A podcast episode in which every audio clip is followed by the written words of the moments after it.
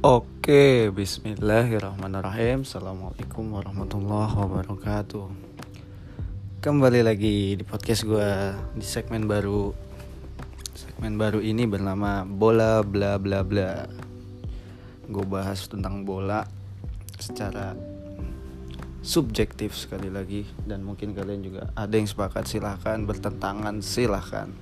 Ini podcast gue pokoknya gue mau ngebla bla blain bola yang paling seringnya nanti mungkin bakal Chelsea yang jadi target cercaan gue ya jadi langsung aja dari match malam gue udah nahan gedek banget sebenarnya. Nulis di story juga tidak memuaskan hati.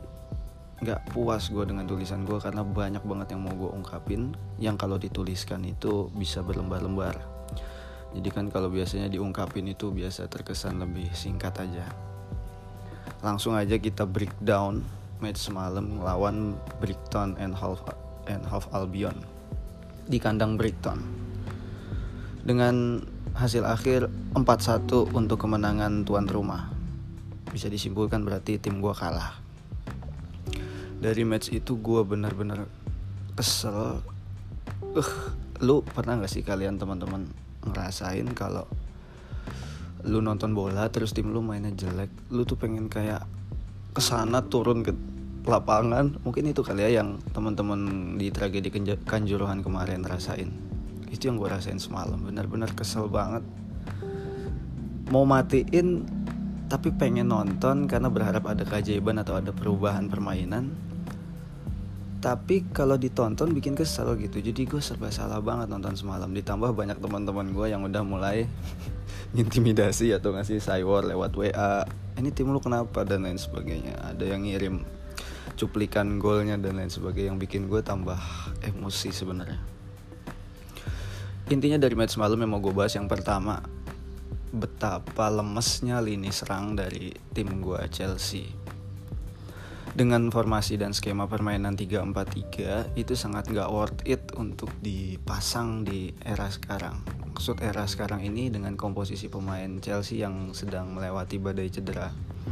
Kalau kita mau bedah secara objektif, memang Chelsea itu harusnya kalah. Di beberapa match yang akan datang pun, apalagi besok ini match besok lawan Arsenal. Gue gak berharap banyak sebenarnya tapi kan kalau kita sebagai fans yang buta aja kita nuntut buat menang-menang-menang ya kan? Tapi kali ini kalau kita bedah secara objektif harusnya Chelsea bakal kelimpungan lah. Sekalipun menang menurut gue ya ada miracle di situ ada keajaiban. Mungkin gue sok voucher dan lain sebagainya. Keberpihak, keberpihakan wasit juga bisa nolong sih nanti.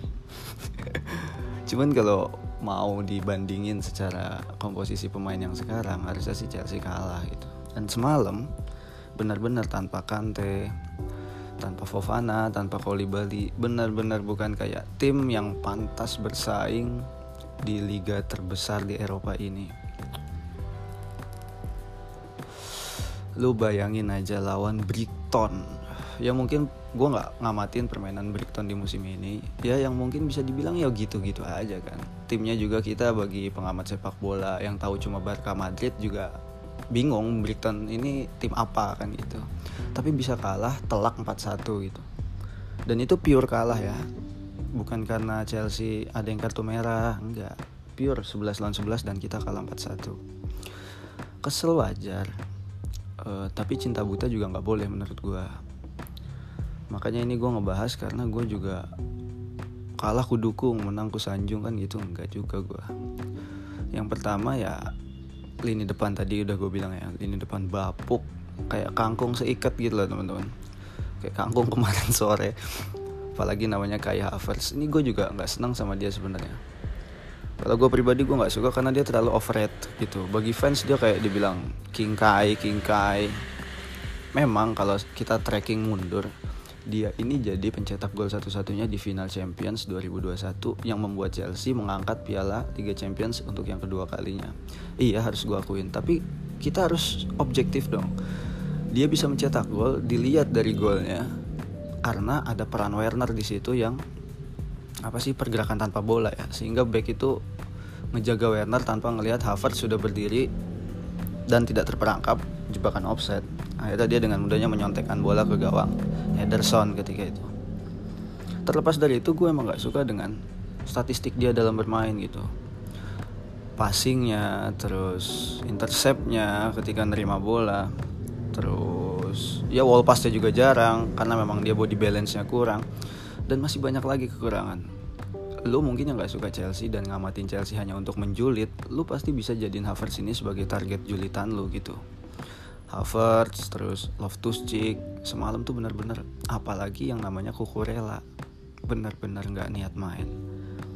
Jauh kalau dibandingin sama Chelsea yang gue kenal di tahun-tahun sebelumnya. Apalagi pas di awal-awal gue dukung Chelsea gue itu dukung Chelsea teman-teman gara-gara ada sosok dulu ada Hasselbank cuman mungkin yang lebih kalian ketahui itu legendanya Drogba oke kita ambil samplingnya Drogba Drogba ini tipikal striker yang buas nggak gampang jatuh uh, haus haus untuk mencetak gol dan paling penting pride untuk kemenangan Chelsea-nya itu tinggi. Dia benar-benar cinta gitu. Kelihatan teman-teman ya, bisa ngelihat kan pemain yang bermain untuk gaji dan karena cinta.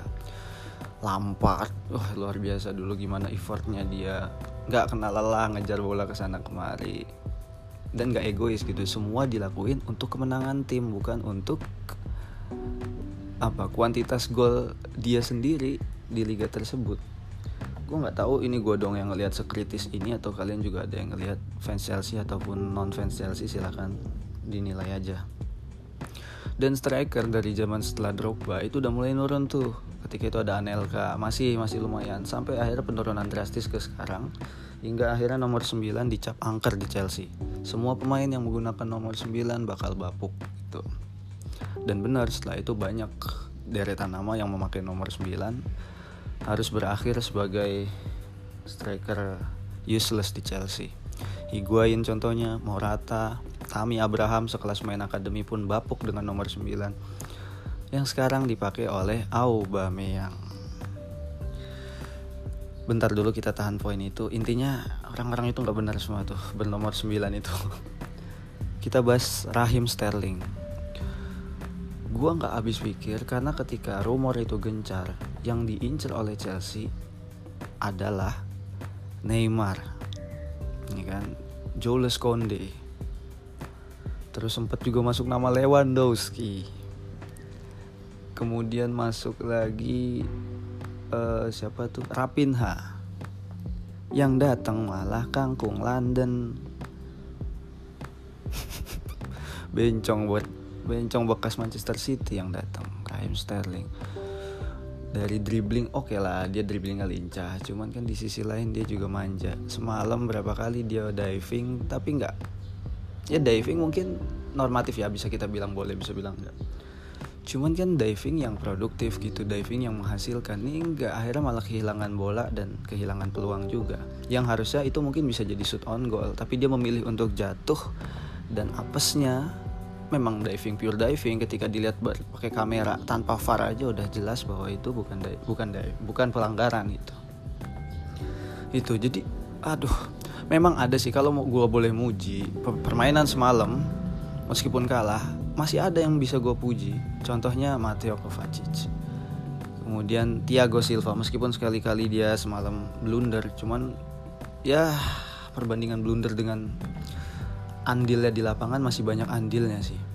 Tapi kalau Kukurela, bek kiri yang mulia ini benar-benar jadi beban yang lebih beban daripada Marcos Alonso. Hilangnya Marcos Alonso ke Barcelona, gua hamdalahkan benar-benar teman-teman. Dia benar-benar ah, gue nggak habis pikir lah. Pokoknya fans Chelsea banyak yang suka karena dia ini sering jadi super eh super sub terus sering cetak gol dari tendangan bebas? Iya gue tahu. Cuman kan match itu nggak melulu soal free kick gitu. Nggak melulu soal keuntungan. Lihat dari statistik juga gimana dia sering ninggalin pos gimana dia juga jarang banget ngelakuin apa namanya intercept yang bagus kontrolnya juga kadang nggak bener passing juga sering miss. Itu juga dijejerin dong barang gol dia. Lebih banyak mana gitu gue mau ngebuka mata orang-orang yang cinta buta aja sih. Setelah dia pergi gue kira aman ternyata yang masuk malah Kukurela ketika dia masuk gue nggak tahu dia siapa jujur aja. Tapi banyak banget fans yang kayak ini bagus nih dia permainan di klub sebelumnya. Gue aja nggak tahu klub dia sebelumnya apa. Gue liatin dong gue mencoba legowo dan gue membuka hati untuk mencintai dia. Siapa tahu benar apa kata orang-orang. Dan ternyata itu bullshit. Udah berapa match dia nggak berkembang berkembang gitu dan dari cara bermainnya gue lihat dia nggak akan pernah bisa berkembang bersama Chelsea. Silahkan lu bisa maki-maki gue lu bisa cut audio gue ini ketika someday ternyata Kukurela berkembang di Chelsea. Silahkan tapi gue jujur detik ini gue berani ngomong di podcast gue bahwa Kukurela bek kiri Chelsea ini benar-benar nggak ada prospek yang bagus ke depannya. Silahkan nanti kita tinjau bareng-bareng deh. Yaitu dari match skala 4-1 gue langsung ngerasa bahwa Graham Potter ini masih kebingungan cari skema yang pas buat Chelsea buktinya 3-4-3 masih aja kekeh dipakai di tim yang ternyata bisa ngehandle skema permainan seperti itu. Semalam benar-benar kebaca deh. Kayak lawan tim gede aja Chelsea itu. Kelimpungan sana kemari, kena counter yang harusnya bisa ditangani dengan baik dong sama tim sekelas Chelsea. Tapi semalam, masya Allah, luar biasa banget kebobrokan lini belakang di semua lini deh. Gue bilang kebobrokan semua lini Chelsea semalam. Akhirnya ya itu aja sih yang bisa gue bahas dari permainan semalam. Mungkin gue nggak tahu ya ada konflik internal setelah ada masa transisi dari Abramovich ke Todd Boehly. Gue nggak tahu gue nggak peduli itu. Yang penting kan fans menuntut permainan gitu.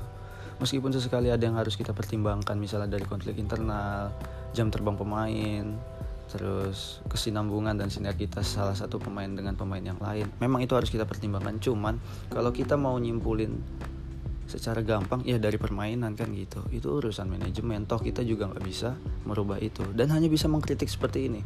Ya gue tahu teman-temannya gue tahu banget bahwa omongan gue ini di podcast gue ini nggak bakal sih didengar sama mereka. Nggak usah deh sama mereka. Sama halayak yang lebih ramai di sekitar gue aja belum tentu gitu cuman dengan gue ngomong ini kan secara nggak langsung gue tercerdaskan. Gue mempunyai literasi seputar klub gue gue bisa ngelihat secara kritis dan objektif apa yang terjadi di tim gue dan kenapa ini semua bisa terjadi. Itu yang gue suka dari ngedukung tim bola Eropa.